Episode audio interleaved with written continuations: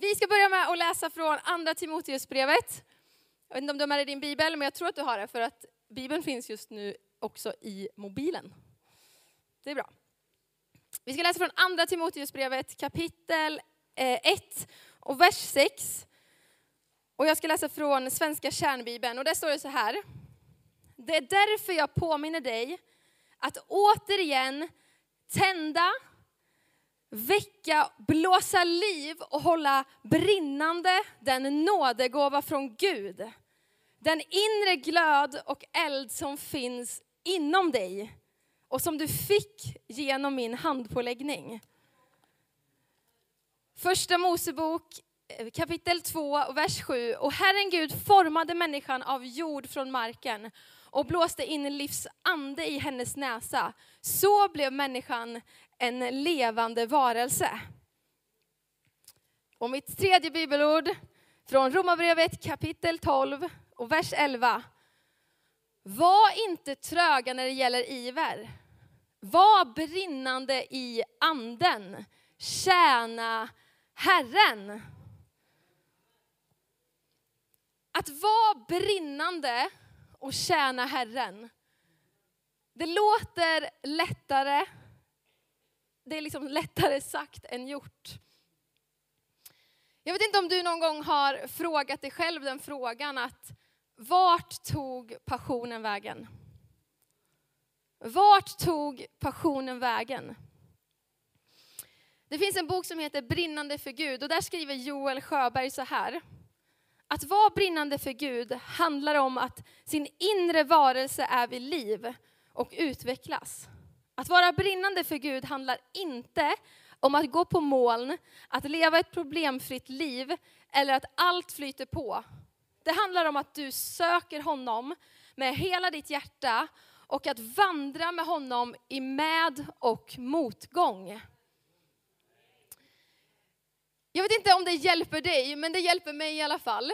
För när jag känner att nu har jag liksom tappat glöden, nu har jag tappat passionen, då läser jag från Johannes 20, där lärjungarna till och med har börjat tappa sin passion. De som hade gått med Jesus, de som hade liksom suttit vid hans fötter, lyssnat på hans ord och rört vid honom, även de tappade sin passion. Gå med mig till Johannes kapitel 20, vers, 12, eh, vers 19. Det står det så här. På kvällen samma dag den första veckodagen. Alltså det här var dagen då Jesus hade uppstått. Då var lärjungarna samlade. Vart var de samlade? Bakom låsta dörrar. För att de var rädda för judarna. Alltså här är lärjungarna, de är rädda. De har tappat hoppet. De har börjat tvivla. Och deras passion och det som de har liksom varit brinnande för så länge har nu gått över till förvirring, övergivenhet och liksom oro och kanske till och med att de har börjat tvivla. Var det sant det Jesus sa? Han, han är ju död nu. Han sa ju att han... Men då stod Jesus mitt ibland dem och sa frid vare med er. När vi läser det så läser vi det som att det vore jättenormalt. Men precis innan så ser vi ju hur lärjungarna har låst in sig. Bakom låsta dörrar är de. Och där står Jesus mitt ibland dem. De måste blivit helt förskräckta, eller hur? De har låst in sig och nu står han där. Han lever. Han lever. Och samtidigt som de blev förskräckta så blev de överlyckliga. Det är sant. Det är sant det han sa. Han har vunnit seger över döden. Och när han hade, eh, när han hade sagt detta så visade han sina händer och sin sida. Och lärjungarna de blev glada när de såg Herren. En annan översättning säger att de blev glada när de fick se sin mästare med egna ögon. Här i det här inlåsta rummet som de står med sin all förvirring och övergivenhet och Jesus kommer och säger frid vare med er. Han börjar inte rabbla upp alla deras misstag. Han, han börjar inte rabbla upp om hur besviken han är på dem, att de har låst in sig under den tiden som han själv har gått och besegrat döden. Han börjar inte heller predika en, en 40 minuter lång predikan om hur de ska leva sina liv, om vilka principer de ska följa, hur deras livsstil ska vara. Han visar sig för dem. Han visade sig för dem och han lät dem röra honom. Och de gick från att vara rädda till att vara glada. Från att passionen, det som de brann, brann för, det var borta, till att de fick se sin Herre och de fick röra vid honom. Och Jesus sa, än en gång, frid vare med er. Och som Fadern har sänt mig, sänder jag er. Och när han hade sagt det andades han på dem och sa, ta emot den helige ande. Jag vet inte om du har gjort så som lärjungarna. Kanske gått, att du har gått och låst in dig i ett rum och låst dörren och låst ute den passion, den glöd och det som du brann för. Låst ute det som Gud har lagt i ditt liv och det som Gud har kallat dig till. Har du gått och låst in det? Har din glöd slocknat? Synonymer till ordet passion, det är eld, glöd, kärlek. Men framför allt så är det Kristi lidande och död. Är inte det häftigt? Att vara brinnande och vara passionerad, det handlar inte enbart om den här elden som vi pratar om, utan en glöd och en kärlek som är kopplat till Jesu död och uppståndelse. En passion som inte kommer och går, utan som är kopplad till ett högre syfte. Ett syfte som inte handlar om oss själva, som inte handlar om dig eller som handlar om mig och våra känslor och allt som vi går igenom. Utan som handlar om Jesu mission. Hans mission att nå ut till människor med evangeliet om frälsning. En passion vars källa är Jesus själv. Tro det eller ej, men din passion den kommer inte från din favoritpredikant. Nu för tiden så kan vi gå in på Youtube och vi kan lyssna på alla slags möjliga predikanter. Men den kommer inte från din predikant eller från en konferens. Nu börjar konferenserna komma igång igen, Nyhem är snart liksom här. Och det, det, hjälper oss. Det är inte så att jag ser ner på, jag predikar själv här. Men det hjälper oss, men den kommer inte från en predikant. Det kommer inte heller från lagar, regler eller U-versions alla olika läsplaner. Det kommer inte från alla de här olika slags eventen som vi gör. Jag jobbar som eventskoordinator och pastor i den här kyrkan. Jag älskar olika event, jag älskar det. Men din passion, den kommer inte från alla de här olika sakerna. Men den kommer från ett, ett event. En händelse. Och det var när Jesus dog och uppstod. Det är det eventet. Och jag menar ju såklart inte, som jag sa, att allt det andra är fel. Det menar jag inte. Jag menar att vi ska ta det i rätt ordning. Jesus han dog och uppstod för mig. Han har upprättat mig, han har förlåtit mig, han har helat mig. Och i honom är jag fri. Och därför, därför kan jag se på Jesus och lära mig att leva som honom. Vi ska läsa Bibeln, det ska vi göra. Vi ska läsa Bibeln. Men vi ska inte göra det för att vi vill bli perfekta kristna. Utan vi ska lä läsa Bibeln för att vi vill komma närmare Jesus. Och när vi kommer nära Jesus, det är då vi lär oss, det är då vi får hans vishet om hur vi ska leva mer lika honom. Det är inte alltid lätt att förstå Bibeln. Det är inte heller alltid lätt att förstå kyrkan eller församlingen. Och det är absolut inte lätt att förstå sig på livet. Men det är just därför som vi behöver leva nära Jesus. Så att vi inte tappar vårt brinnande hjärta. Första Mosebok, som vi läser från i början. Och Herren Gud formade människan av jord från marken och blåste in livs ande i hennes näsa. Så blev människan en levande varelse. Han är källan. Han är källan. Och vi behöver ha våra hjärtan riktade mot honom. För det är han som är den brinnande elden. Så vi behöver ha våra hjärtan riktade mot honom. Han som är källan. Tro det eller ej, men jag står inte här och predikar om det här för att jag alltid är passionerad. Även fast många tror det. Du är alltid så... Uh. Men det handlar inte om att vara så. Det handlar inte om att vara som mig, eller som Ellen, eller som Martin, eller som Simon, eller som Dan. Det är inte det det handlar om. Men vi pastorer, vi brottas också med det här.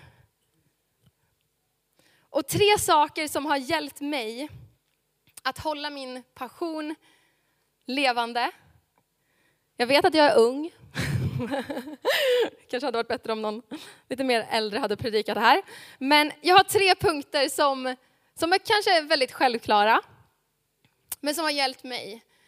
Och det första är livet innan Jesus.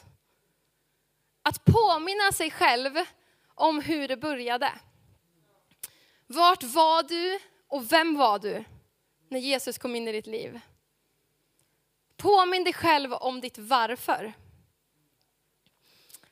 Första Korintierbrevet 1, kapitel 1 och vers 26. Och jag ska läsa från eh, The Message. Det står det så här.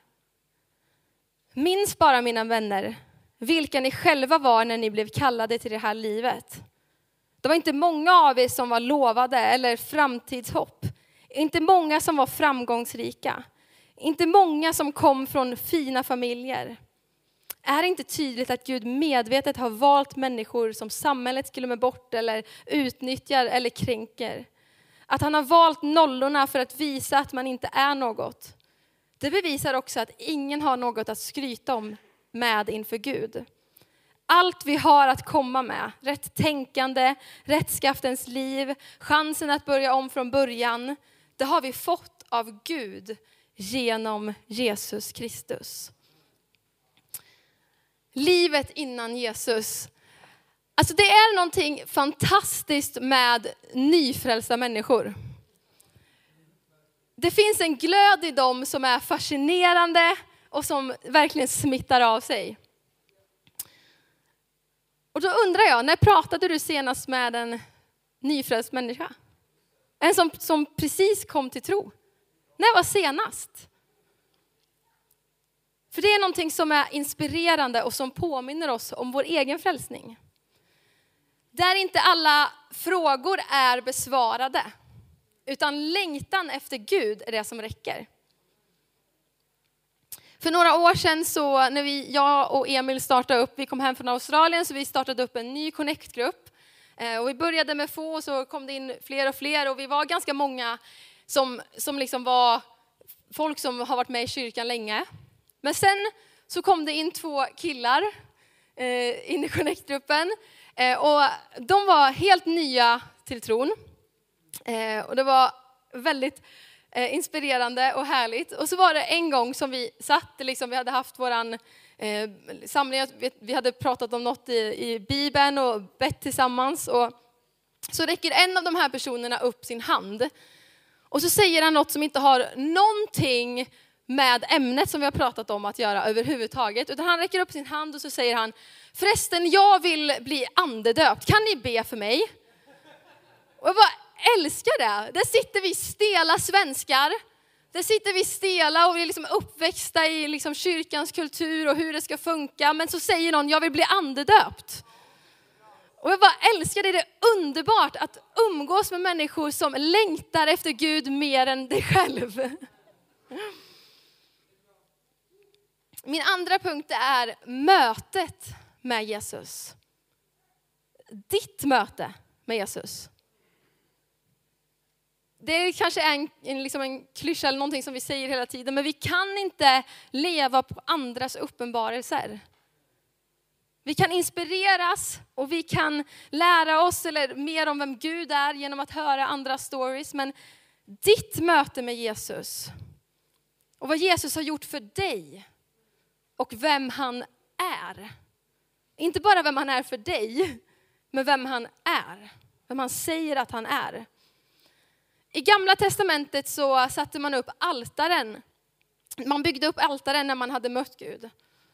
Och kanske att du behöver idag påminna dig själv om din frälsning. Vi ska gå till Lukas kapitel 24. Lukas kapitel 24.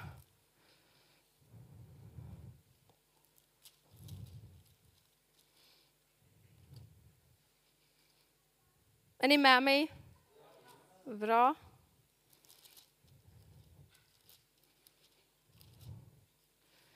Kapitel 24 och vers 32. Och de sa till varandra, brann inte våra hjärtan i oss när han talade med oss på vägen, när han öppnade skrifterna för oss. En annan översättning säger det, visst kändes det som en eld som brann i våra hjärtan när han talade med oss på vägen och förklarade skriften för oss. Min tredje punkt det är livet med Jesus. Vi är inte kallade till att vara bakom låsta dörrar. Vi är ett folk. Och när jag säger vi är ett folk, då menar jag att du är inkluderad. Som är kallade till att vara brinnande och tjäna Herren. Jesus sa till lärjungarna, så som Gud har sänt mig sänder jag er. Och han andades liv. Han andades den helige ande. Den helige ande är våran hjälpare och våran rådgivare. Och vi behöver välkomna honom att hjälpa oss. Livet som troende är inte tänkt att göra ensamt. Vi behöver den helige ande och vi behöver den kristna gemenskapen. Vi behöver varandra. Vi behöver mentorer, förebilder, ledare som hjälper oss att gå åt rätt håll. Som hjälper oss och talar tro i våra situationer och uppmuntrar oss och vägleder oss. Om du är 50 år, eller om du är äldre än 50, de unga vuxna här inne, de behöver dig. När de brottas med sin identitet, när de brottas med sina trosfrågor, när de tvivlar på, liksom, på Gud eller vad de än går igenom, när de går igenom dödsskuggans dal så behöver de dig. De behöver dig för att de behöver höra att Jesus håller. De behöver höra att det finns ett ljus och att Jesus går med dem igenom de tuffa stunderna. De behöver dig. Och om du är 20 år eller äldre så har vi kids en trappa ner och vi har ungdomar som ses på fredagar, som är här på söndagar. De behöver dig. De behöver förebilder som visar på ett liv som håller att leva. Vi behöver varandra. Så lås inte in din potential. Lås inte in det som Gud har kallat dig till. Lås inte in din vishet. För de yngre behöver dig och vi behöver varandra. Det är i alla fall någonting som har hjälpt mig. Jag ska inte rabbla upp alla personer som har varit liksom en hjälp för mig eller förebilder för mig, men en person som, som jag ser som min mentor, det är Caroline Hägglund. Hon är inte här idag, hon är på student i Göteborg. Hon vet inte att jag ska säga det här, men hon är en förebild för mig. Hon bär på väldigt mycket vishet. Men det är inte bara det, det är inte allt som hon säger som, som, liksom, som jag tar med mig när jag pratar med henne. Utan det är någonting som hon säger varje gång. Och det är, hur är din stund med Jesus?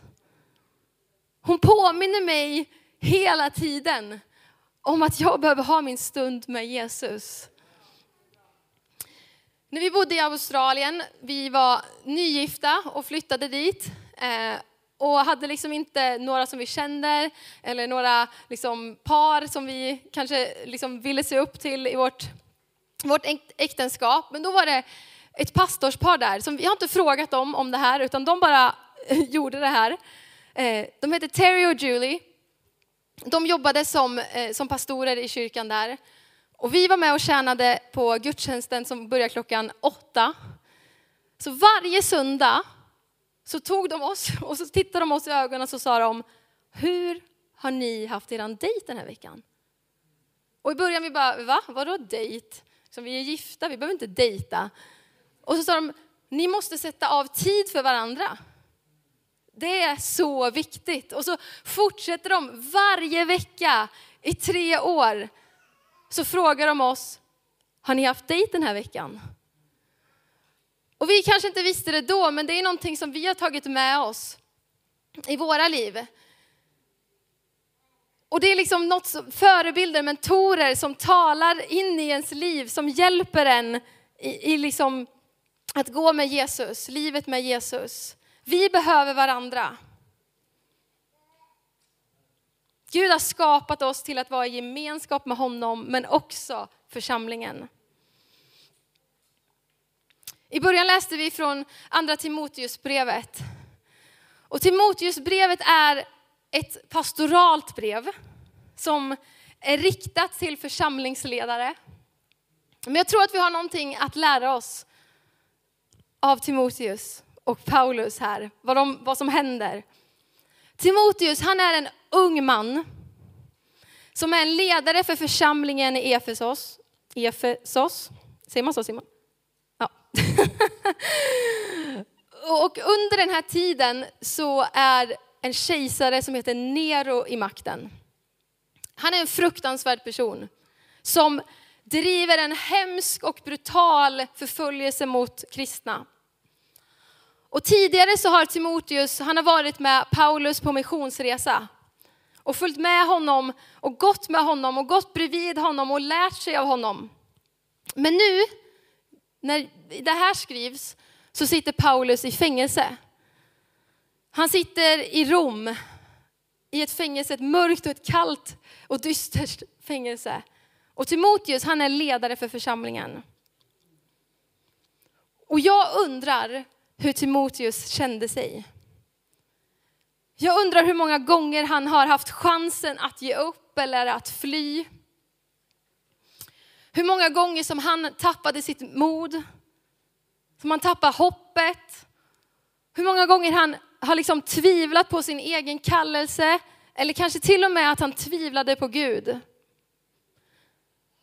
Jag undrar hur många gånger han hade tänkt, nu bara går jag och låser in mig. Nu går jag och låser in mig, jag orkar inte mer. Och mitt i allt detta så skriver Paulus till Timoteus. Han skriver ett brev från ett mörkt och ett kallt rum. Förmodligen väntar Paulus själv på att dö. Men Paulus, han sätter sig ner och skriver till sin älskade Timoteus.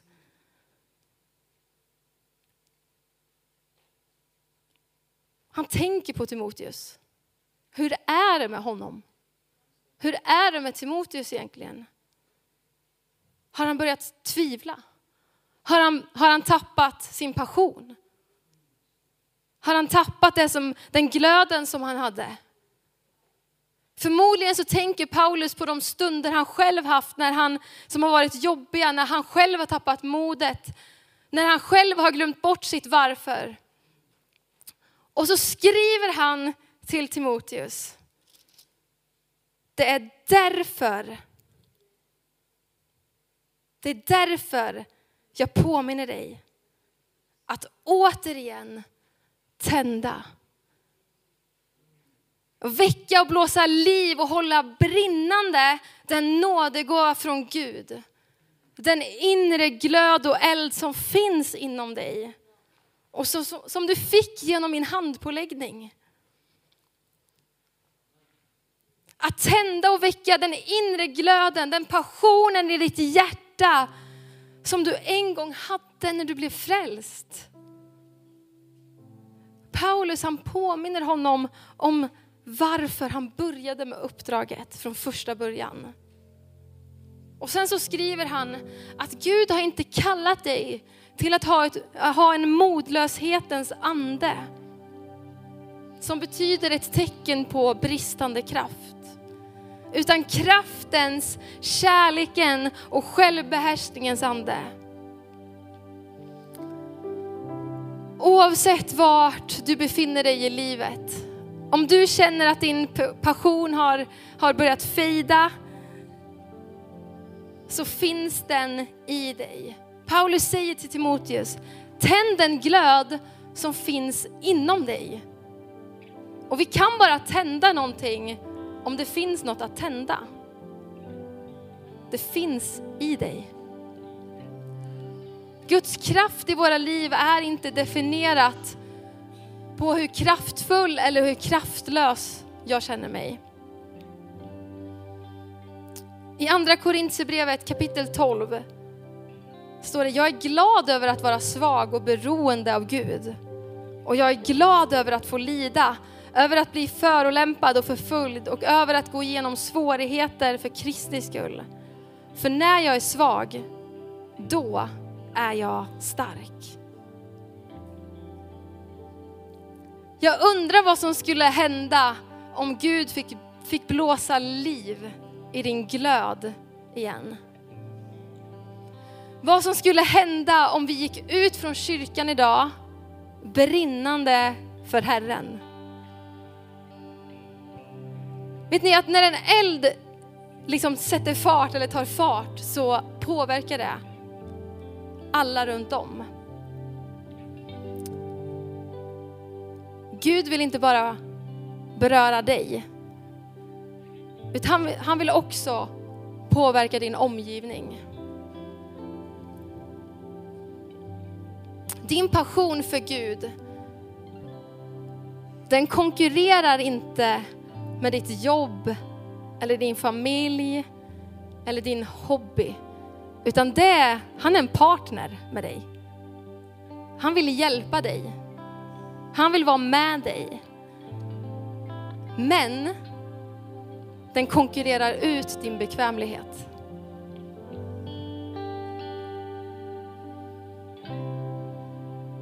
Kanske att du sitter här idag och att du har tappat din glöd eller att den kanske har börjat slockna. Jag tror att Gud vill blåsa liv i dig idag och påminna dig om att korset är bränslet till passionen. Det är korset som är bränslet. Kan vi inte ställa oss upp tillsammans? Vi kommer ha en, en stund i lovsång och vi, kommer, eh, vi bjuder in till förbön vid, vid böneplatsen. Men jag ber att Gud ska väcka passionen i våra hjärtan. Att Gud ska väcka och tända, tända en eld inom oss. Att han ska blåsa liv i våran ande. Och när vi ber den bönen, när vi ber Gud att väcka passionen i våra hjärtan, så ger det oss ett mod. Och det modet, det triumferar våran rädsla, våran fruktan och våran otro. Om du vill så får du sträcka dina händer till honom. Så ska vi ta en stund inför Gud. Det är bara Gud som vet om du har gått och låst in din, din liksom kallelse. Och det som Gud har lagt på ditt hjärta. Men jag ber att han ska komma in i ditt rum och säga frid vare med er. Frid vare med dig. Och så som Gud har sänt mig sänder jag dig.